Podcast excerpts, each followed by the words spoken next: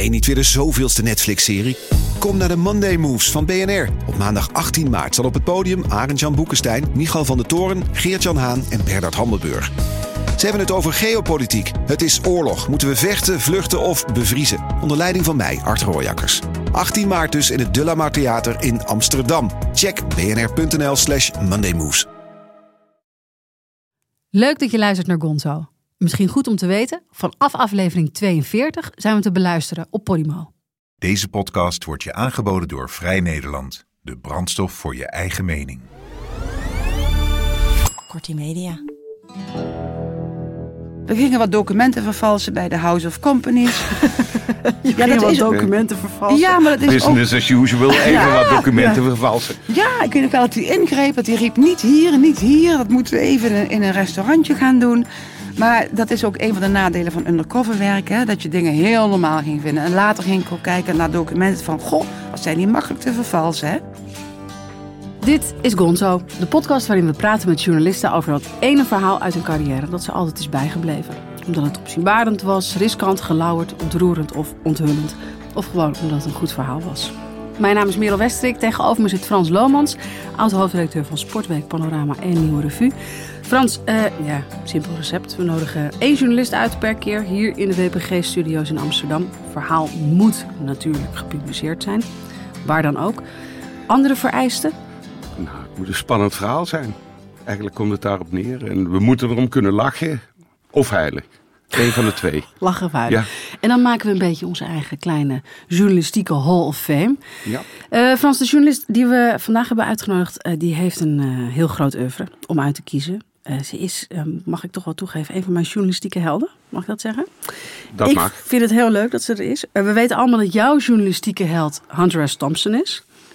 De uitvinder van Gonzo Journalism. Eh, wat zou jij eigenlijk aan hem vragen als hij hier zou zitten? Het kan niet meer, want hij is hartstikke dood, maar Hij toch? is, hij is heel erg dood. Ik denk dat, ik, eh, dat mijn eerste vraag zou zijn van... wat is nou de beste drank- en drugscombinatie bij het schrijven? Whatever. We gaan eh, naar onze gast in de studio. Dat is dit keer Stella Braam. Hallo. Stella, welkom. Goed dat je er bent. Ehm, even een kort cv. Je bent eh, onderzoeksjournalist, schrijver. In je journalistieke carrière heb je heel veel onthullende reportages gemaakt over misstanden aan de onderkant van de arbeidsmarkt. Eh, schoonmaken, inpakken, keukenhulpen. Zeer bekend is je onthullend onderzoek naar de Turkse extreemrechtse organisatie Grijze Wolven. Dat deed je samen met Mehmet Oelgar. Je moest zelfs onderduiken na dat boek, omdat je bedreigd werd. Je volgde jarenlang eh, een groep daklozen voor je werk. Eh, Je maakte een prachtig boek over je vader, die Alzheimer kreeg. Eh, Over je moeder, die niet naar een verpleeghuis wilde na haar herseninfarct. Tegenwoordig ben je verbonden aan de Investigative Desk. Dat is een collectief van onderzoeksjournalisten. Zo'n bio doet nooit helemaal je hele werk eer aan. Maar waarom ben je eigenlijk journalist geworden? Ja, omdat ik niks anders kon. Echt? Ja, kijk, ik kwam van de middelbare school en ik wilde niet studeren. Want ik had al zes jaar op, eh, op die schoolbankjes gezeten. Ik dacht, nou, het is mooi geweest, hè. Ik verveelde me rot. Dus ik ging, ja, wat mijn moeder dan noemde, freewheelen.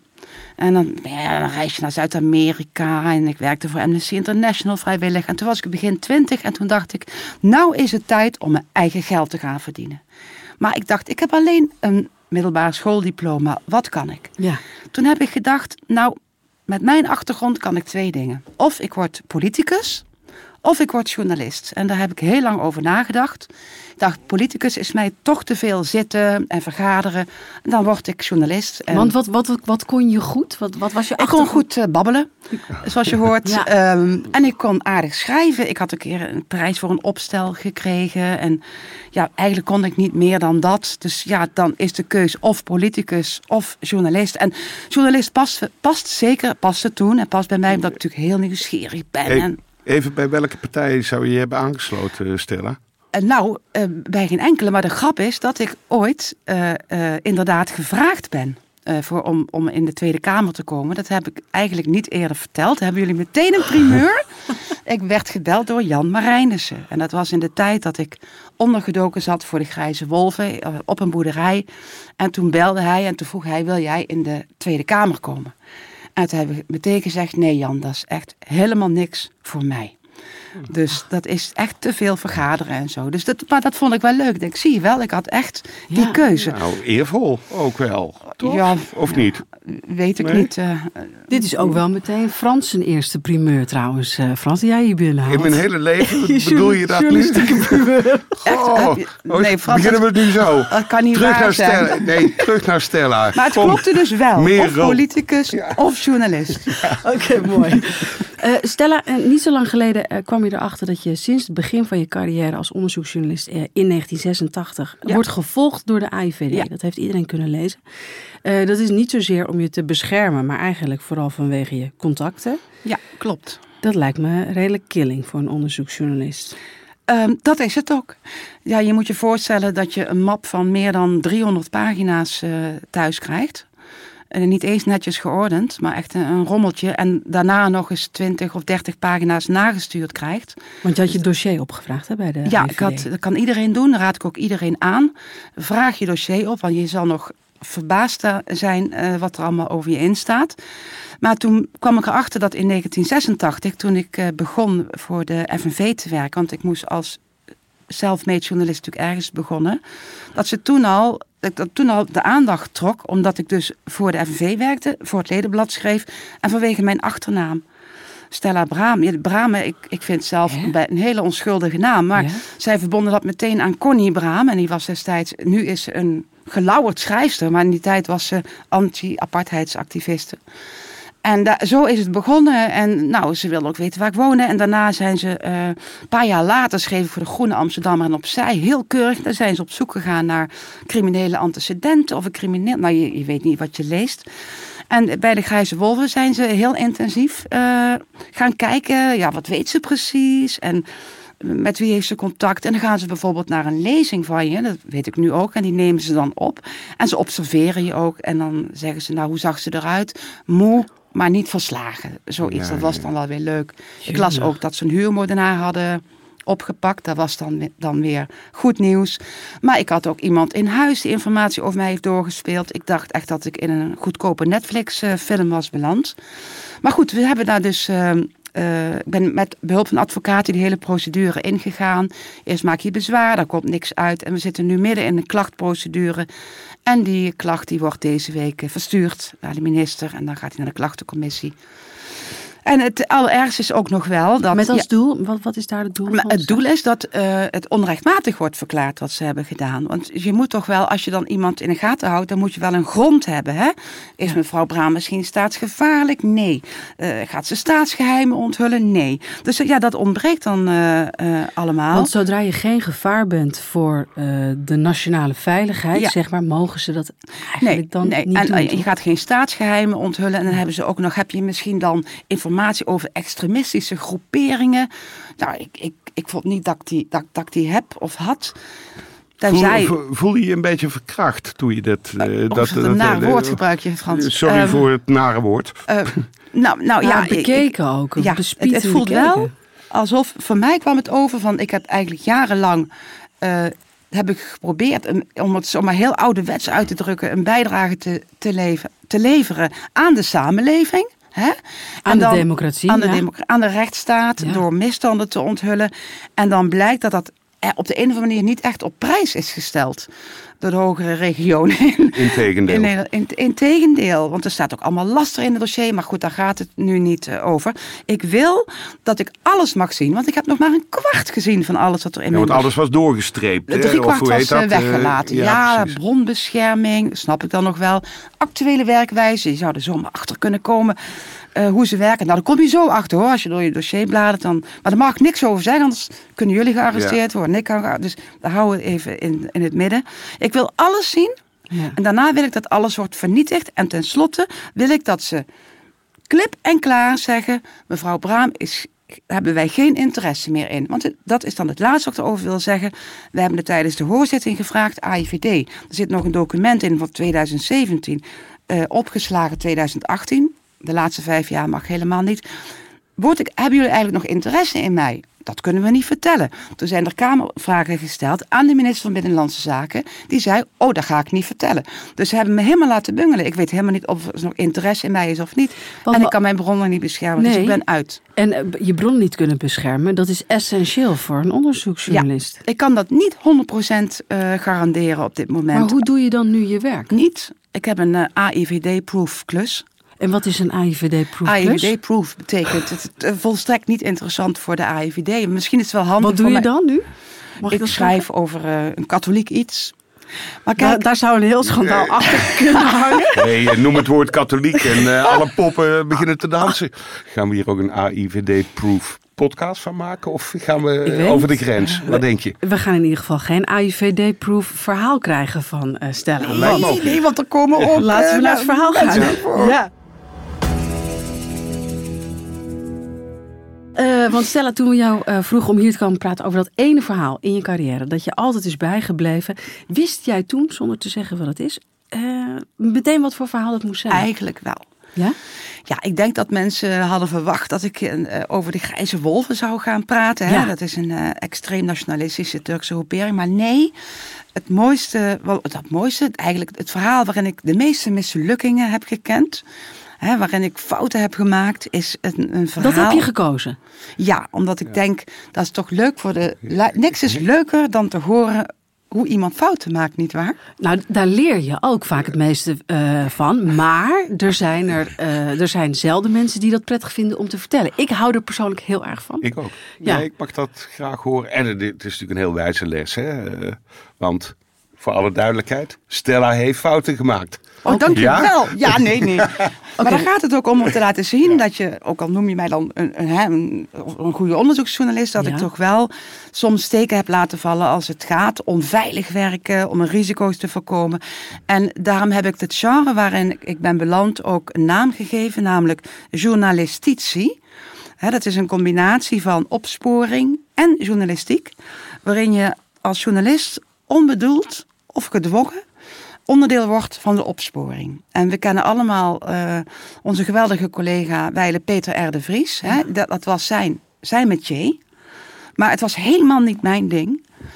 Eh, maar toch, ja, ik kreeg op een dag een tip en eh, ik ging die tip achterna. En ik ben eigenlijk zo lang, langzaam maar zeker in de opsporing eh, Ja. gerold. Ik ga eh, eh, het verhaal even beschrijven. Het, want het verhaal waar we het met je over gaan hebben en wat je hebt gekozen, dat verscheen in de Volkskrant van 7 september 1996.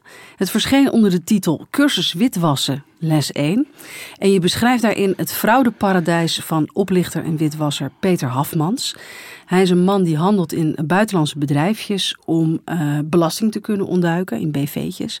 15 jaar lang dat is best lang, 15 jaar lang, kan hij ongehinderd zijn gang gaan. Hij krijgt zelfs hulp van een medewerker van justitie. En voor dit verhaal ga jij vijf weken undercover werken op het kantoor van Hafmans als typiste. Ja. Nou, en wat er eh, volgt is, want Frans en ik hebben het artikel al even gelezen, is één groot knotsgek avontuur.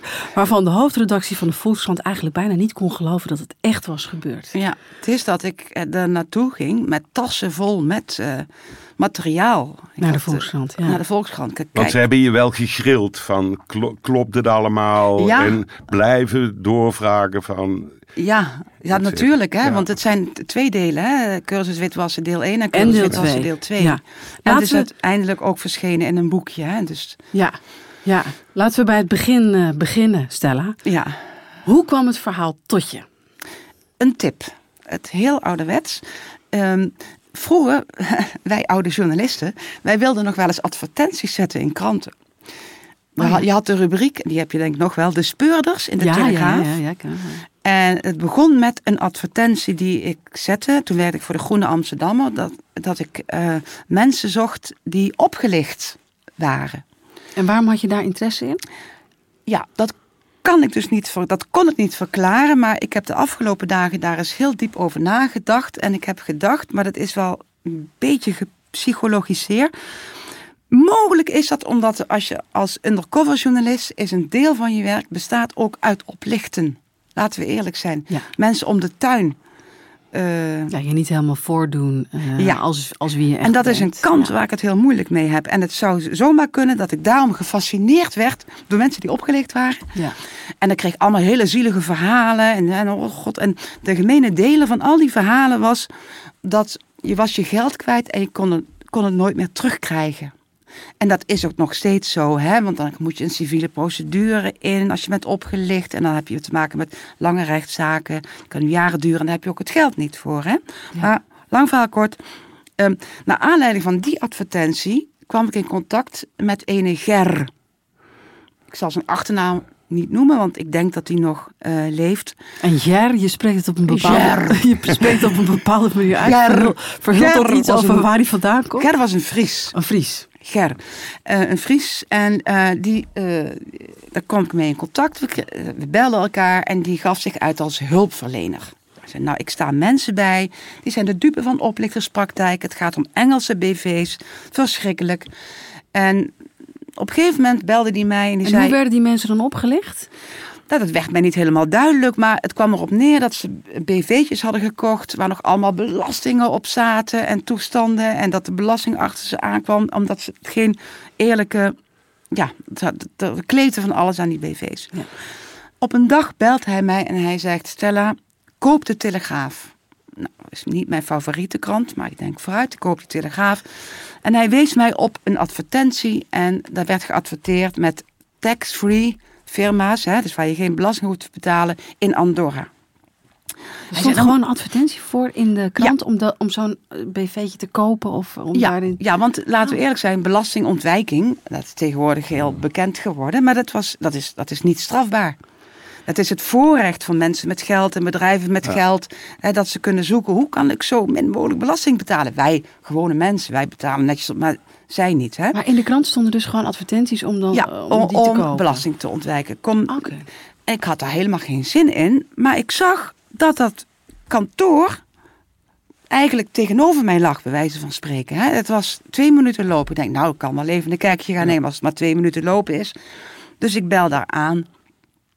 Zal ik vertellen hoe het ging? Want het is Ja. een idioot Ja, vertel. We zitten helemaal... We hangen je lippen nu. Open oren en open mond. Oh ja? Je hebt die tip gekregen van Ger, die laat jou die advertentie zien. En jij ziet het adres, je denkt dat is om de hoek. Om de hoek, ja. Laat ik gewoon maar eens gaan kijken wat het is. Ja. Dus ik bel aan Ja. en een ontzettend knap meisje eh, doet open. Ze spreekt half Engels, half Nederlands. En hebt u een afspraak? Ik zeg nee. Nee, nou kom dan maar binnen. En eh, ik denk, het was een kantoor aan de Amsterdamse gracht. Heel chic. En het eerste wat mij opviel was een ontzettend grote etalagepop die daar stond. Een hele grote etalagepop midden in een kantoor. En er stond een kluis. En eh, ja, ik denk, wat een rare entourage hier. En er zat een onooglijk mannetje. eh, ja, een, een, een morsig type, zal ik maar zeggen. Die zat daar aan een groot bureau. En, en die zei, wat kom jij doen? Ik zeg, nou ja, ik ik kom, ja, ik kan natuurlijk niet zeggen, ik zag er niet uit als een zakenvrouw, laten we eerlijk zijn. Ik zeg, ik kom namens een eh, bevriend zakenman, ik verzon me wat. Eh, die zit nu in Barcelona en die wil wel wat weten over die Andorra-route van nu en zo. En die zei van, nou, volgens mij word jij door de concurrent gestuurd. Hij was heel agressief en de Poolse dame die riep, show me your business card. Ik denk, show business card, wat is dat hè? Ik zeg, ik heb helemaal geen business card. Ja, jij komt van de concurrent. Achteraf, maar nu lopen we wel vooruit, bleek dat hij gelijk had. Maar nu lopen we al op de zaken vooruit. Ja, en ik denk, ik zei, nou ja, zo moet dan, eh, ja, laat maar zitten hoor, zo hoeft het voor mij niet. En toen zei hij, wacht eens even, wat doe jij eigenlijk voor de kost? Ik zeg, nou, ik ben werkloos. Ja, die gaat natuurlijk niet zeggen, ik ben journalist. Hij zei, kun jij typen? Ik zeg, ja, ik kan wel typen. Nou, dan kan je morgen bij mij beginnen als typiste. En het is een heel gek verhaal, want ook, ook toen ik bij de Volkskrant kwam, ze konden het niet geloven. Ik zeg, jongens, ik kan er niks anders Nee, van dit maken. is een scène uit een film waarvan Ja. je zou zeggen, dat is Te een hele slechte... Fantasy. een slechte Netflix-film. Maar het gebeurde gewoon echt daar. Het is echt gebeurd. Ja, en tuurlijk, ik, ik tuurlijk. dacht, Ja. weet je wat? Ik ga gewoon één, twee dagen kijken wat En ik je ziet wel. aantref. En Ja. ik zie wel, als niks is, ga ik zo weer weg. Ja. Ja, dan neem je gewoon ontslag. En dus toen, jij eh, nam de en baan toen aan. ging je, Ja, toen ging je dus typen de Ik ging volgende typen, dag. Ja, ja, ik ging typen. Het was een beetje saai werk. Ik moest eh, eh, steeds maar statuten typen van Engelse BV'tjes. Ja. En dan moest je weer namen invullen. En ik moest ook actielijsten typen. Dat heb ik overgenomen. Wij hadden dan to-do-lijsten, maar had het over actielijsten. Ja. Hij moest offertes en dit. En klanten kwamen binnen en die wilden van alles weten over die Engelse BV's. Maar ik kreeg pas argwaan toen de Poolse secretaresse mij zag typen en zei... hey, jij kan typen. Ik zeg, ja, ik kan typen. Ze zei, nou, dat vind ik wel heel bijzonder, zegt ze. Want al die meiden die hier eerder zijn geweest, die konden niet typen. Ik zeg, oh. Maar met welk uitzendbureau werkt hij dan samen, hè? Is het uitzendbureau. Die meisjes komen binnen via de escort. Dus ik dacht, dat is opmerkelijk. Dat is opmerkelijk. En het tweede waardoor ik dacht, ik moet blijven, was dat hij schermde bij zijn klanten dat hij samenwerkte met iemand van justitie. Hij is Peter Hafmans. En op de een of andere manier dacht ik van, volgens mij is dit geen bluff. Het zou zomaar kunnen. Dus die twee redenen dacht ik van, weet je, ik blijf nog even typen. ja, je dacht misschien is het toch echt wel een goede tip die die Jer mij gegeven Jer. heeft. Jer heeft mij gegeven. Mijn Brabantse achtergrond Ja. verraadt zich hier. En, en, jij, en, en jij, jij ging daar dus eh, als typiste dan die, die eh, actielijsten maken en, en statuten en zo. Ja. Ehm, wanneer eh, kwam je erachter dat er iets gebeurde wat niet deugde? Nou, eigenlijk al heel snel, omdat mij opviel. Kijk, je hebt net als met een BV, dan heb je een secretaris nodig, je hebt een directeur nodig, een getuige van de oprichting heb je nodig. En dat waren allemaal jonge vrouwen. Die kwamen steeds weer terug. Eh, een Mirjam van 20 jaar, die was wel directeur van 10 Limiteds. Een, een, een Lisette van, van 21 was de getuige van de oprichting van 15 Limiteds. En limited, dat is zo'n Oh, BV, sorry. Ja, hè? dat- ja, ik, we zouden jargon vermijden, maar dat zijn dus Engelse BV's. BV's. En eh, er werd voortdurend ook met paspoortkopietjes van die meiden eh, gewerkt. Dus klanten kochten ook een, kant-en-klare Engelse BV. Ze hoefden niks meer te doen. En die jonge meiden, die waren daar dan, ja, bestuurders eh, van. Dat, dat vond ik raar. En ik ging een beetje vragen stellen aan... En dat waren dan die escorts of zo? Of- ja, ik vroeg dus ook, want, want die Peter Hafmans die vertrouwde mij wel. Sowieso, hè, de- waarom, iedereen vroeg me waarom heeft hij je zo vertrouwd? Omdat hij ervan uitging, of het waar is of niet, maar dat vrouwen dommer zijn dan mannen. Daar was hij heilig van overtuigd. Dat was één van zijn overtuigingen. En twee was, niemand doet me wat. Hij had het idee dat hij toch, het was ook zo hoor, een vrijstaatje was binnen Andorra en Nederland. Hij beweerde dan in Andorra te wonen, maar hij woonde eigenlijk nergens. Hij maakte geen geheim van zijn methode. Bedoel, Nee, hij was er ook trots op. En, Ja. en, en dus hij, ik zei van, ja, op een gegeven moment kwam ik tegen dinner dates. Hè, dat escort, dat was dinner dates. Ik zeg, Peter, wat is dinner dates? Oh, en was hij dan zeg maar met zo'n veiltje, was hij dan het vuil onder zijn nagels van aan het halen. Weet je, het was, wat ik al zei, een, morsig mannetje. Dan stak hij een sigaar op. Dan zegt hij, oh dat dinner dates, dat is een verhaal, dat heb ik samen met een compagnon van me opgericht. Daar heb ik ook advertenties voor gezet. Dan zeggen we, wij zoeken dus hè, eh, leuke jonge vrouwen en meiden. En die moeten dan eh, zakenmensen vergezellen tijdens etentjes. Geen seks, heel belangrijk. Gewoon conversaties. Nou, en daar word je goed voor betaald. En dan komen dan allemaal eh, eh, meisjes op af. En als ik die eenmaal dan aan mijn tafel heb in een café, onder andere het Koebelcafé in Amsterdam had hij het over. Ja, dan zeg ik tegen zo'n meid, joh, ik zie wel wat in jou. Wil jij mijn businesspartner worden? En dan moet je je voorstellen voor die meiden, een beetje eh, kansloze achtergrond, dat soort. wat businesspartner, directeur? Wauw. Ja, nee.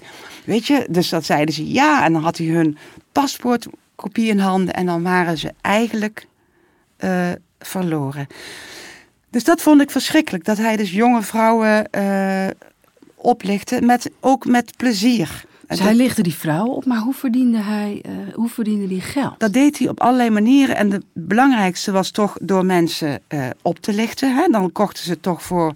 Wat, ja, het was toch ten diepste was het een oplichter die naar elk mens keek van wat kan ik aan jou verdienen. Hè?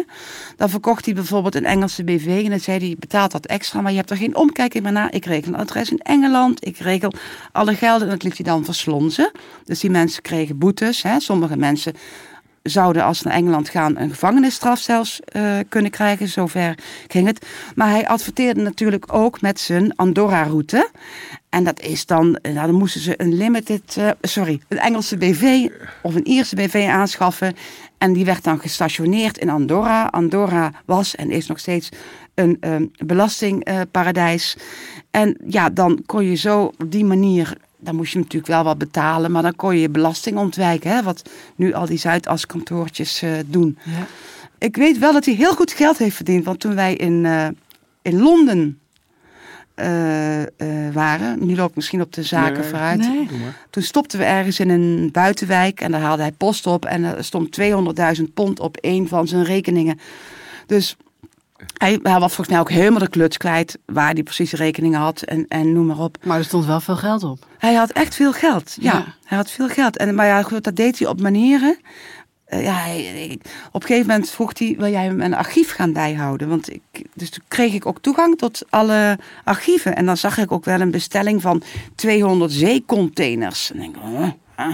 zeecontainers. En ja, dreigbrieven. Toen werd ik wel bang, hè? Van uh, ja, het, je wordt ge gechanteerd en uh, zullen we het geile teefje stoppen? Die bewoordingen. En uh, iemand uh, wil je door de knie schieten. Ik denk, oh, ik zit hier wel. Hij zei ook dat hij een, een, uh, een pistool thuis had. Want ik wou nog zeggen, kwamen die mensen nooit verhaal halen? Want als jij zo'n ja. BV'tje van hem koopt. Ja. en... ja, die kwamen wel. Ja, niet waar ik bij was. Maar ik zag dreigbrieven van, ik ga aangifte doen. Ja. En dan schreef hij terug, oh, dan ga ik over jou aangifte doen. Want die BV'tjes, laten we eerlijk zijn, die werden gebruikt toch voor een deel. Niet alleen door bouwmagnaten en horecamagnaten, maar ook door criminelen. Oh. En voor rechercheurs is het heel moeilijk. Hè? Dus om, om een Engelse BV, dan moet je naar Londen gaan. En mensen kennen de, de wegen, de niet. wegen niet. Nee, de manieren niet. Nee. Hij had ook een heel systeem om, om, om uh, gelden te laten roleren. Die werden dan over de hele wereld met geld stromen. En dat bedrijfjes. En het kwam erop neer dat, dat je geld zoek moest laten. Dat is een van de dingen van witwassen. Geld moet gewoon zoek raken. Je moet op een gegeven moment moet je het spoor ja. bijster, ja. bijster zijn. Maar, en ja. wanneer wist jij nou, Stella, dat, dat je een verhaal had?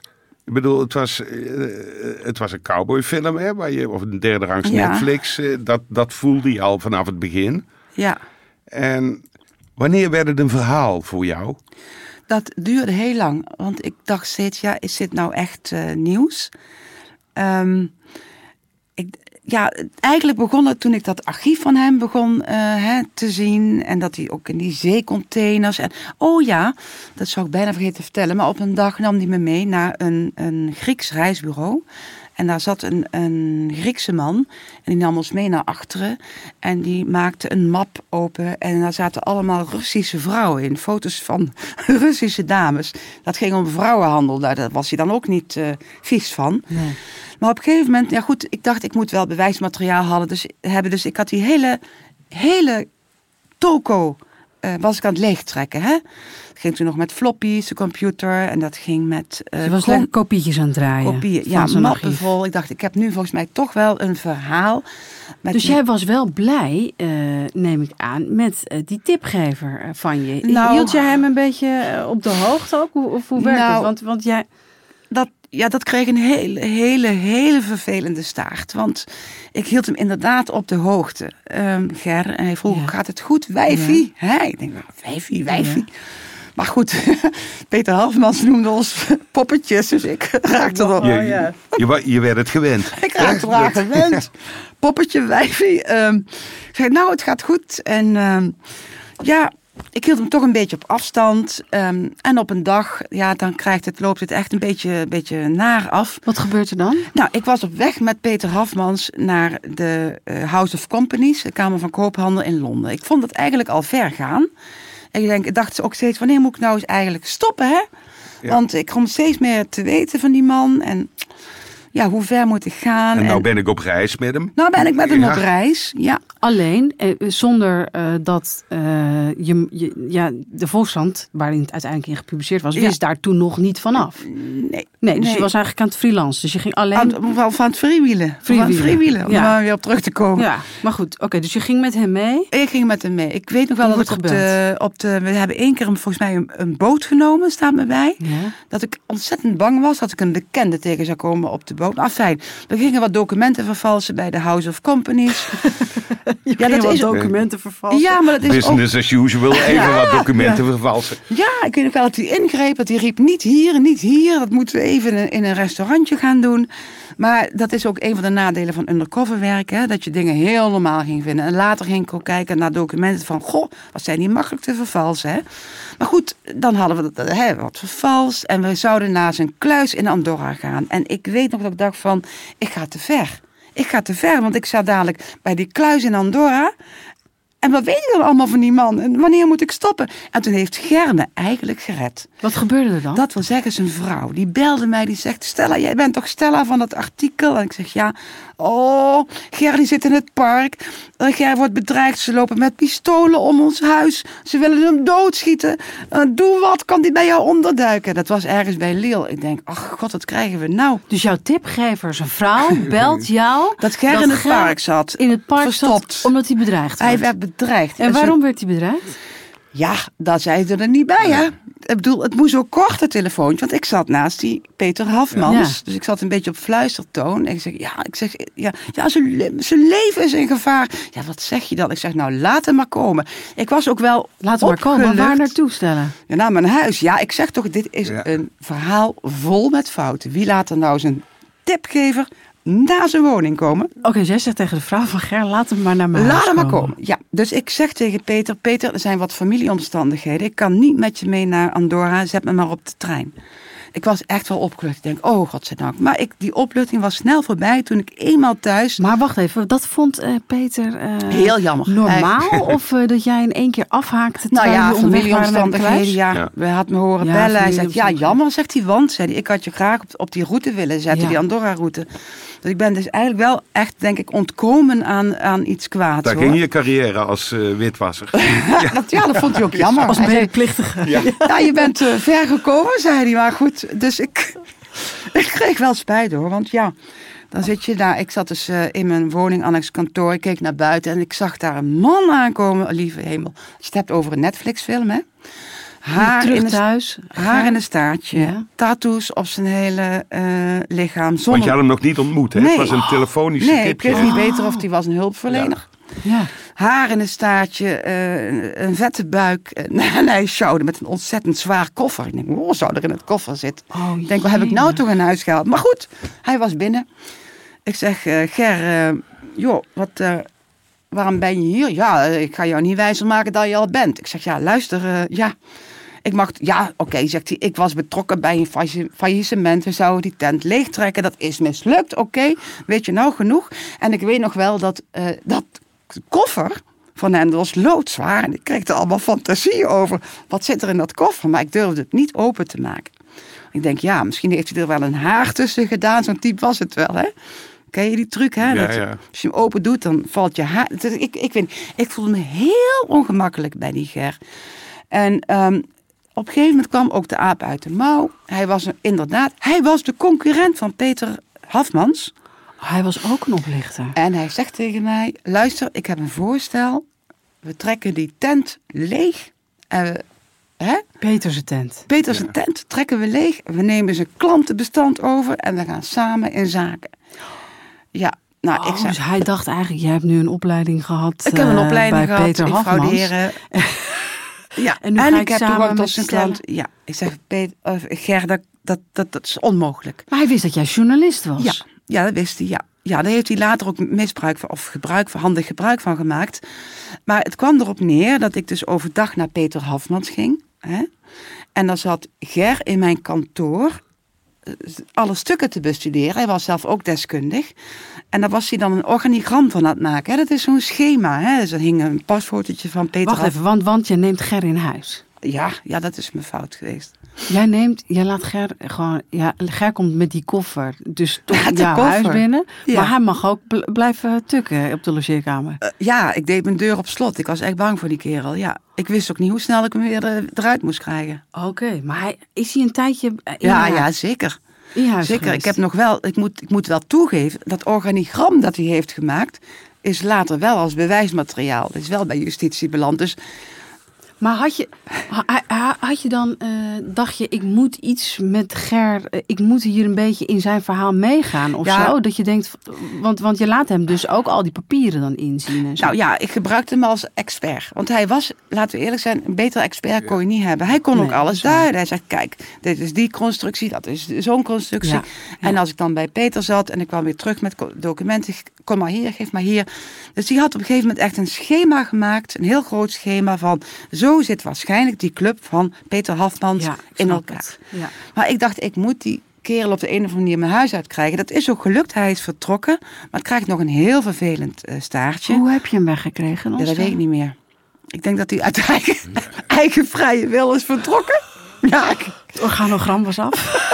Er was niet meer zoveel te doen. ja, maar hij zei ook, toen ik zei, we kunnen onmogelijk samen in business, zei hij, oké, weet je, deal, eh, jij wordt de beste journalist en ik word de beste Ja. crimineel. Dus dat was wel duidelijk. Dat was de deal. Jullie zeiden tegen elkaar wel, jij zei, bleef volhouden, we kunnen niet samen in zaken. Nee, we kunnen absoluut niet samen in zaken. Maar jij kan leren van eh, alle documenten van Peter. Ja. En ik ga even goed een verhaal En hij maken. had een geweldige tip van mij. En hij zegt, joh, ik, heb, ik ben toch een paspoortenfraude op het spoor. Ja, Hij kwam met nog een tippie. ja. Ja, en dan gaat je, ja, ja, dan gaat het wel tintelen. Pas, ja, een handel in paspoort. Ik denk, Interessant. Ja, dus eh, ik gaf me het voordeel van de twijfel. En ik ben op een dag ben ik naar Friesland eh, afgereisd. Ik Ja. kom daar binnen en ik kom in een soort opslagpand vol met antiek. Was hij in het antiek. Toen ben ik echt bang van hem geworden, want hij had, ja, het was een, een akelige man. Ik ben weer weggevlucht en op een gegeven moment kreeg ik telefoontjes dat hij geld van me wilde. Kort en goed. Hij heeft later voor de rechtercommissaris, en hij werd gearresteerd, verklaard dat ik hem opdracht zou hebben gegeven eh, tot paspoortenhandel eh, research. Maar hij wilde ook geld van je hebben. Hij wilde absoluut geld. Waarom ja, wilde hij hij had, geld hij had van toch je? niet om hem te citeren voor de kat en kut gewerkt. Ja. Oh, ja, dat is een Logisch. ja, In deze wereld, hè? In deze logisch. Ja, voor wat hoort wat, In, in de eh, gerwereld. In Ja. de gerwereld. eh, Ja, ik- heel even was er niet één moment eh, dan toch even toen je na, na die antiekhandel bij Ger dat je dacht, eh, ik moet hier gewoon helemaal. eh, ja, toen was ik klaar met Ger. Ja. Ja, met Ger, maar Helemaal- ook misschien gewoon met het hele verhaal. Dat je dacht, Nee. Oh, Oh nee, het, het was, weet je, eigenlijk was ook de les van hoe meer obstakels. Want het grootste obstakel, laten we de luisteraar nieuwsgierig maken, moet nog komen. Hè? oké. Het grote. Nee, maar goed, weet je, dat is dus wel natuurlijk, Frans, jij herkent dat. Je wordt op een gegeven moment uit, uiter, en jij herkent dat natuurlijk ook. Je wordt uitermate volhardend van, ja, wat krijgen we nou? Ik ga het verhaal maken. Intussen was ik ook al met de hoofdredactie van de Volkskrant in gesprek. Oké. En ze hadden die tassen vol met materiaal gezien. En ze zeiden, ja, dat is eigenlijk wel een heel mooi verhaal. Dus er Ehm, was ook interesse. Dus je had een opdrachtgever. Dan dan ik heb had je eindelijk een opdrachtgever, maar het was, eigenlijk kan je zeggen, het kwaad was al geschied. Hè? Eh, maar nee, het werd nog erger. Maar het, het nadeel van als je freelancer bent in de journalistiek, is dat je wordt geacht een soort kant-en-klaar verhaal aan te leveren. En voor de rest zoek je het maar uit. Ik zeg het even heel zwart-wit. Ja. Dus je hebt heel weinig begeleiding en ruggespraak. Want ik denk, hè, bij dat verhaal van die onderduiker had de redactie al lang gezegd... hé, hey, zeg, ben je helemaal besodemieterd? Ja. Zet die gast je huis uit. Hè? Als, je dat, als je het al had voorgesteld, was ik al boos op je geworden. Ja, Ja. ja. Dus, maar goed, zij wilde dat verhaal heel graag. En eh, nu was het zaak om een deskundige te vinden die dat een en ander kon duiden. Hè? En dat was helemaal niet makkelijk. Want om heel eerlijk te zijn, deze tak van opsporing, hè, eh, fraude met buitenlandse rechtspersonen, dat is niet de specialiteit van Nederland. Hè? Nee. De Nederlandse opsporing is dol op drugscriminaliteit en eh, ja, cowboytjes spelen en deuren intrappen en mensen in de boeien slaan. Maar ja, wittebodencriminaliteit, dat is toch wel Nee, is niet opwindend genoeg. niet opwindend. Nou, en- en, misschien ook, dat is ook wel niet helemaal niet de bedoeling dat het hard wordt aangepakt. En de straffen Nederland- die erop staan worden vaak ook afgekocht. Ja, schikkingen. Schikkingen, en, ja. ja. god. Het is toch iets, het, wat ik al eerder heb gezegd, het is het voor, voorrecht van grote bedrijven en rijke mensen dat ze de, hun, ja, de fijne belastingconstructies mogen bedenken. En misschien moet je daar ook niet aan willen komen. Maar goed, de Volkskrant zei wel, we hebben een deskundige nodig. Ja. Maar goed, wie ik ook belde, niemand kon het duiden. En op een gegeven moment kom ik terecht bij een destijds befaamde, en zijn naam noem ik nog even niet, criminoloog. En die zat in die dossiers te bladeren en die zei, jeetje, ik ken wat namen. Dat, eh, poe, poe, poe. Zaten onderwereldfiguren bij, zeg maar. En ehm, die zegt, nou, eh, weet je wat, ik ga jou in contact brengen met het hoofd van de criminele inlichtingendienst. Dat is niet de AIVD, dat is de geheime dienst van de politie. Die weet, kan jou vast wel het een en ander uitleggen hè, over die club. Dus met die woorden van, er gaat jou uitgelegd worden hoe het in elkaar zit, dacht ik, hé, hey, wat geweldig, hè? ik krijg eh, hulp van, de, Ja. van binnenuit eigenlijk. En maar op een dag wordt er aangebeld en er staan twee mannetjes op gymschoenen voor de deur. Ik noem ze Sjors en Jimmy. En die eh, willen even, even met je praten. Die waren van de CD. Ja, dat waren twee mensen van de criminele inlichtingendienst. En nogmaals, ik noemde maar Sjors en Jimmy. Eentje heb ik wel jarenlang gevolgd. Ik weet hoe het met hem is afgelopen. Maar daar gaat het misschien niet om. Maar En wat wilden ze van je? Eh, nou, ik nam ze boven naar mijn kantoor. Dat had ik natuurlijk al helemaal niet moeten doen. En het eerste wat ze zagen... Dat Jij was... laat ook iedereen binnen, hè? Maar dat is niet zo. Jehovah-getuigen komt er. Oh. Zij laat ook in. Jo- Jehovah-getuigen komt er niet in. eh. Er zijn grenzen. Maar goed, die Het eerste wat ze zagen was dat organigram van Ger, die alweer terug was in Friesland. Of die was alweer gearresteerd. En die zeiden, wat is dit? Hè? Want ze zagen ook eh, justitie, hè? BA van justitie staan. Ja.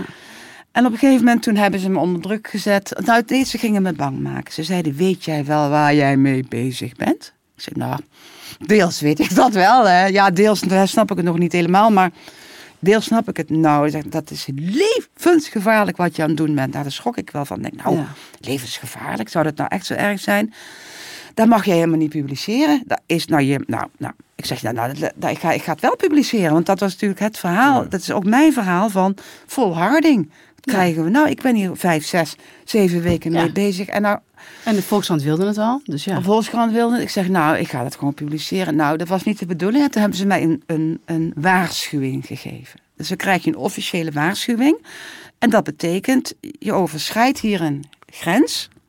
Wij staan niet meer voor de gevolgen in. Maar het enge is van zo'n inlichtingendienst.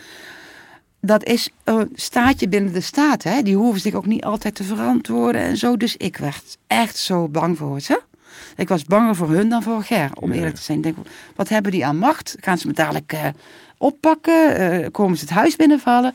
En onder die druk heb ik een ontzettend stomme fout gemaakt. Ik heb een deel van mijn dossiers gegeven. Want dat vroegen ze. Ja. Wat zeiden ze dan? Want ze zeiden... Ja, geef, me de, geef ons die dossiers, dan kunnen we zien hoe gevaarlijk het is. Ja. En, en ik had dat nooit moeten doen. En opnieuw hier weer een les van, had ik toen steun gehad bij de Volkskrant. Maar ja, je dacht natuurlijk dat je ook wat meer uitleg en verdieping misschien Dat was ook krijgen met de bedoeling. je- van je onderwerp. Dus ik kan me Ja. voorstellen dat als ze dan om je dossiers vragen, dat je, erg, dat je zo'n fout kan maken. Omdat je dan kan denken, ja, misschien. Ja, maar het was wel een van mijn dieptepunten in mijn journalistieke carrière. Echt waar. Want ik, daarom noem ik het ook journalistitie. Hè? Van, jeetje, wat gaat er met die dossiers gebeuren? En, maar daarbij was het nog niet eens een einde. Want ik kreeg mijn dossiers niet meer terug. Maar waarom gaf je ze? Wat, wat, wat was de... Ja, onderdruk. Ik denk, ik was dood en dood moe. Ik was super gestrest. Ik had net eh eh, Hafmans achter de rug. Ik had die, die Ger achter de rug die mij zat te bedreigen van... ik weet waar je woont en je moet me betalen. En dan krijg je CD twee van die regisseurs. Dus ik, had, ik was moe. En ik, het, wat me vanuit nogmaals was, ik had geen achterban, geen redactie die kon zeggen van, hey, hey, weet je, laat Ja. ze sturen naar ons, wij praten met ze. Hè? Ja. Misschien is het in deze tijd beter hoor, dat een hoofdredactie wel zegt van, nou, we Nee, je... die, die zou jou nooit alleen met de CID hebben laten praten. Nee hè?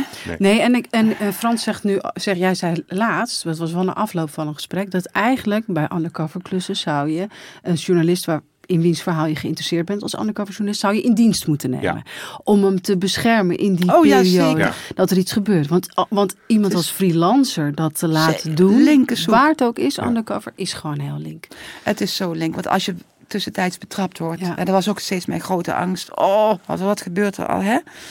Dan, eh, ja, dan sta je er wel alleen voor. Het is, ik ben het helemaal met je eens. Mensen zullen sowieso moeten onderzoeksjournalisten begeleid worden. En eh, participerende journalisten, undercover participerende journalisten, moeten helemaal begeleid worden Ja. om te voorkomen dat ze afglijden. Ehm, Uite- uiteindelijk, had je, had dossiers, je, ja. ja. uiteindelijk had je dus geen duider hè, van het verhaal nog, want dat was de CID niet. Nee. Die twee mannen konden niet, wat de Volkskrant wilde, het verhaal Maar duiden. die heb ik wel gevonden hoor. En die vo- vond je uiteindelijk wel. Ja, die en vond wie ik was wel. dat? Dat was een ehm, hele integere eh, politieman, een, een, een frauderechercheur, eh, Bob Terluin. Ik heb hem zondag gesproken. Ik zei, zal ik je maar Bob Terluin blijven noemen? Hij zegt, ja, dat is prima. Ehm, en Bob Terluin die moest ook ontzettend lachen dat de, dat de CD had gezegd levensgevaarlijk. Die zegt nou, financieel economische criminelen zijn doorgaans, echt doorgaans, niet echt heel erg gevaarlijk.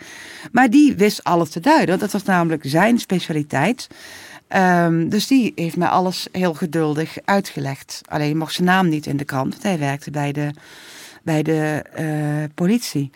Ehm, dus ik had iemand gevonden die het me allemaal uitlegde. Ik had natuurlijk toch de waardevolle bijdrage van eh, Ger. Maar ik kreeg mijn dossiers niet op tijd terug. Ja, want, eh, want heel even naar die dossiers nog eh, stellen. Je hebt die dossiers dus meegegeven aan de CID. Ja, een deel. Onder, onder druk. Ge- Geef je een deel mee. Wat hebben zij daarmee gedaan? Ja, ik denk dat ze kopieën hebben gemaakt. Ehm, en het was achteraf, begrijp ik, ook hun bedoeling om een onderzoek te starten. Maar daar wist ik allemaal niks van. Hè? Want je, je, je zit En ook... een onderzoek niet naar jou Nee, in hoor. dit geval, maar gewoon Maar naar meneer naar, eh, Hafmans. Ja, en daar heb ik verknald. Maar dan lopen we alweer op de zaken eh, vooruit. Op een gegeven moment heb ik ge- tegen ze gezegd... als jullie mij de dossiers niet terugkomen, dan bel ik de politie. Ja, toen dacht ik achteraf, dit is wel heel belachelijk natuurlijk. Want weet je, die mensen zeiden van... Maar goed, ik kreeg dan mijn dossiers terug. En toen riepen ze nog, muts, je moet niet publiceren. Weet je, je komt ook als journalist in een buitengewoon onveilig werkklimaat Ja. terecht. En ook dat je vrouw bent, is dan helemaal niet in je voordeel. Ehm, maar hoe dan ook, ik had een, een rechercheur die me alles uitlegde. En het. Oh, ik ben helemaal te, te vertellen dat die mevrouw van justitie, dat die op een dag ook langskwam hè, bij Peter. Oh, die Bea. Ja, dat is wel een belangrijk detail hoor, want die bestond dus echt. Hè? Ja. En waarom is het belangrijk? Want op een gegeven moment verschijnt deel 1 hè, van de cursus witwassen. En die eindigt dan met wie is die persoon bij justitie waar Hafmans mee schermt. Ja, want wacht even. Laten we naar, naar de publicatie gaan. Ja, Eh, het wordt gepubliceerd, het artikel. Dus je krijgt je Ja. dossiers op tijd terug. ja gelukkig voor je deadline. Ja. Eh, het verhaal wordt gepubliceerd in de Volkskrant 1996. Eh, en dan? Nou, het deel 1 eindigde met, eh, het, was een- het was echt wel best wel spannend geschreven, van hè, ik had hem toen nog een schuilnaam gegeven, Leo, die zegt dat hij iemand heeft die bij justitie, met, van justitie die hem helpt. Wie zou dit zijn? Zo een beetje met een cliffhanger eigenlijk Ja. het dan. Hè? En amper was het artikel deel 1 verschenen of er gebeurden twee dingen. Peter Hafmans ruimde zijn hele kantoor leeg. Dus zijn computers, alles, alles ging in een bestelbusje en die was weg. Maar de fax ratelde bij de Volkskrant. En daar stelde ene, ene Bea M. zich voor. Hallo, ik ben Bea M. Ik herken mij volledig in dit eh, artikel. Ik ben namelijk die persoon bij justitie. Hoe dom kun je zijn? Ze maakte zichzelf bekend. Ehm, ik wil niet dat het wordt gepubliceerd, want dan schendt u mijn privacy. Dus dit- dat vind ik zoiets stoms. Hè? Ze maakte zichzelf Ja. gewoon bekend. Toen werd deel 2 toch gepubliceerd, eh, waarin zij werd genoemd. En uiteindelijk, toen alles in de krant stond en ik dacht, nou kan ik rustig ademhalen, kreeg ik een telefoontje van Sjors en Jimmy.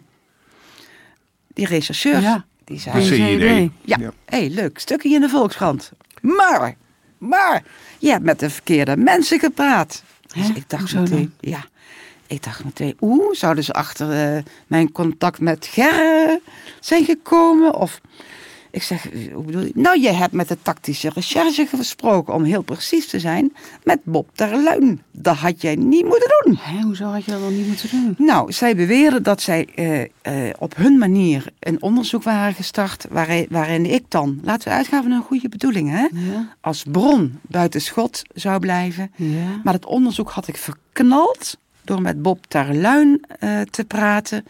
Die mij wel als bron zou kunnen opvoeren, wat ook is gebeurd hoor. Ik heb hier, dan loop ik alweer op het verhaal, het vonnis voor me liggen van Peter Hafmans. Maar ehm, ja, ik had een zaak eh, verknald. Ehm, Eigenlijk waren ze misschien gewoon een beetje jaloers op. Oh ja, dat weet ik wel zeker. Want ik, ik deed dingen die, zij niet eh, konden of, of mochten. Ze zijn natuurlijk aan allerlei ja, beperkingen gelden voor politie undercovers. En ik mocht alles. Dus, en ik was een vrouw. Dat was natuurlijk ook niet eh Dat is sowieso iets om jaloers op te zijn. Ja, dat denk ik wel. Afgetroefd worden door een vrouw. Oh, dat kan toch niet waar zijn? Want Peter Hafmans is, Is uiteindelijk is Over die, wanneer hebben we het dan? Hoe, hoe lang eh, na? vier jaar later, in 2000, ehm, dan staat hij voor de rechtbank. Dan, ehm, nou, ik heb het vonnis hier voor me liggen. 10 februari 2000 wordt hij schuldig eh, bevonden. En welke rol heeft jouw artikel daarin gespeeld? Nou, dus dat dan? staat hier ook in. De basis eh, van eh, deze, dit vonnis is artikel, artikel in de Volkskrant van Stella Braam. Ja, helemaal jou. Maar het leuke is dus dat, zeg maar, wat ik heb gedaan als journalist, toch het- het stelen van informatie, wordt hier door de rechter goedgekeurd. Hè? Terwijl je daar als undercover politie aan allerlei voorwaarden moet voldoen. Hè? De, de journalist Mocht mag, jij helemaal je de journalist gaan? mag eh, alles. Mag het hele archief van eh, Peter ik mag alles Hafmans, eh, ik mag alles, alles kopiëren. Ja, Nee, dat tot, mocht de CED natuurlijk niet. Ja. Tot wat is hij veroordeeld? Tot hij heeft nog mazzel gehad door anderhalf jaar maar. En ehm, ehm, met een half jaar voor, eh voorarrest of, of een half jaar aftrek. Twee jaar voorarrest, hoe noem je dat? Ik begin Twee jaar voor, eh, eh, met een proeftijd van twee jaar. Hè? twee jaar. Dus hij heeft een jaar eh, gezeten. En ik dacht van, nou ja, weet je, het zal wel. Eh, het maakt toch voor hem niks uit. Want hij is en blijft een man zonder geweten. Dat, dat, dat was wel voor mij wel het meest gekke. eh, dat je dus vijf, zes weken samen met iemand werkt die meedogenloos is. Hè? Die geen geweten heeft, geen schuldgevoel, geen schaamtegevoel. Die zich verheven voelt boven de rest. Die zelfs kinderen bang maakt. Een vrouwenhater. En denk, oké, het bestaat. En die een, dat ene jaartje gevangenisstraf zal hem echt niet uh, Kan hij wat uitrusten en dan eh, gaat hij op dezelfde En nieuwe klanten, klanten winnen. Kijk, je, je bent eh, wekenlang bezig met zo'n verhaal. Eh, je hebt twee publicaties. En dan maak je de balans op, hè? Na die tijd. Misschien maak je nu ook nog wel eens de balans op. Is het de moeite geweest? Ja, Wat, wat heeft het vooral opgeleverd in, in jouw ogen, dit, eh, deze serie verhalen? ik denk dat het duidelijk maakt dat, dat oplichten loont in Nederland. Hè? Dat oplichters zoals Hafmans 15 jaar lang, was 15 jaar terug, eerder begonnen, hun, hun goddelijke gang mogen gaan. Dat duidelijk wordt dat de slachtoffers, eh, hè, die jonge vrouwen, eh, mensen van wie het paspoortkopie worden gebruikt, kansloos zijn. De, de wet staat aan de kant van de, van de oplichter. Ik hoop dat ik de lezers een kijkje heb mogen geven in eh, hoe zo'n oplichter te werk gaat. Ik heb er geen spijt van. Want hebben die meiden bijvoorbeeld aangifte gedaan of zo? Of hebben, Nee, zijn weet er je, dingen uit voortgekomen? er zijn aangiftes gedaan. Ja. Maar ik weet wel, er was, dat is me later ter oren gekomen. Er was bijvoorbeeld een, een Turkse man. Die kwam erachter dat hij opeens eigenaar was van een eh, Engelse BV.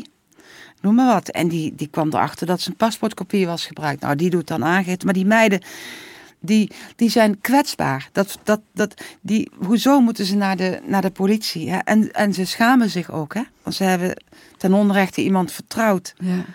eh, eh, die het niet waard was. Het was voor mij ook zinnig om te leren, ja, om, om, om, om vol te houden. En je krijgt tegenwerking. Je krijgt tegenwerking van je, de tipgever, je krijgt tegenwerking van de eh, politie. Eh, ik ben op gezette tijden ontzettend bang geweest. Maar je leert om door te gaan. En die angst, door, door je angst heen te gaan. Dat, heb, dat, heeft je, dat, heeft, dat, dat heeft het verhaal je gebracht. Het heeft me zeker gebracht. Ja. Want vlak daarna moest ik de grijze wolven aan. Maar dat is een ander verhaal. Moest ik in de schietvest lopen. Maar daar was ik, eigenlijk was dit mijn voorbereiding. Maar ik, ik, meen, ik meen het echt. Journalisten moeten bereid zijn heel ver te gaan voor een verhaal. Niet opgeven en niet bang zijn. En eh, proberen de keer daarna niet dezelfde fouten te maken. Leren van je fouten en er ook gewoon voor uitkomen. En is, is, want is er in dit verhaal nog een, een los eindje of iemand Ja, die je nog wel eens zou willen spreken? Ja, ik hoop natuurlijk dat de mensen die de dupe zijn geworden van eh, meneer Hafmans, dat die zich melden. Hè, want ik, ik, ik kan me niet voorstellen dat hij stil heeft gelegen. Wat ik al zei, aangifte doe je niet zo snel. Laat staan dat er wat mee gebeurt. Het zou hartstikke leuk zijn als alsnog zich mensen gaan melden. Dat we kunnen kijken hoe is dit vrijstaatje eigenlijk afgelopen. Dus je wil eigenlijk door met dit verhaal. De Nee, nee, cursus nee. witwassen deel Nee, nee. 2 was niet Ik- het laatste deel van Nee, de nee. Nee, cursus. het is, je, hebt, je hebt een PS voor het verhaal nodig. ja, eigenlijk, hè, ik denk van, dat het, gewoon moet- dat zou dat dan ja. naar een programma gaan sturen, radar of, of Ja, ja. opgelost of eh, boos. eh. Maar ik zou dat niet zelf gaan doen, maar ik zou Nee. het uitbesteden. Maar het is wel leuk als je eh, dankzij jullie weer terug gaat kijken op het verleden, dat je denkt van eigenlijk is het nog niet af. Eigenlijk is nooit iets af. Nee, Nee, dat is absoluut zo. wat Eigenlijk is een, nooit wat een iets af. wijze les. Behalve eh, nooit dat, dat je soms aan de tijd komt. En dat is nu het geval, Stella. Eh, we willen je danken voor je komst naar de studio's. Ik Mooi vond het heel leuk, heel leuk. Ik hing aan je lippen. En ik vond het eh, onwijs leuk om je een keer te ontmoeten. Gaan we nu even bijkomen. We gaan Eh, Want het is nog steeds een verhaal wat bijna niet te geloven is. En De- toch is het waar. En toch is het waar. Kijkt u maar naar het vonnis. Ja, En dit was Gonzo. Mijn naam is Merel Westrik. Tegenover me zit Frans Lomans. En mocht je nou vragen hebben of suggesties, mail dan vooral naar gonzo.kortimedia.nl. Deze podcast vind je op Apple Podcast of Spotify. Vergeet je vooral niet te abonneren. Eh, volgende keer weer een goed verhaal. zeker. Tot dan.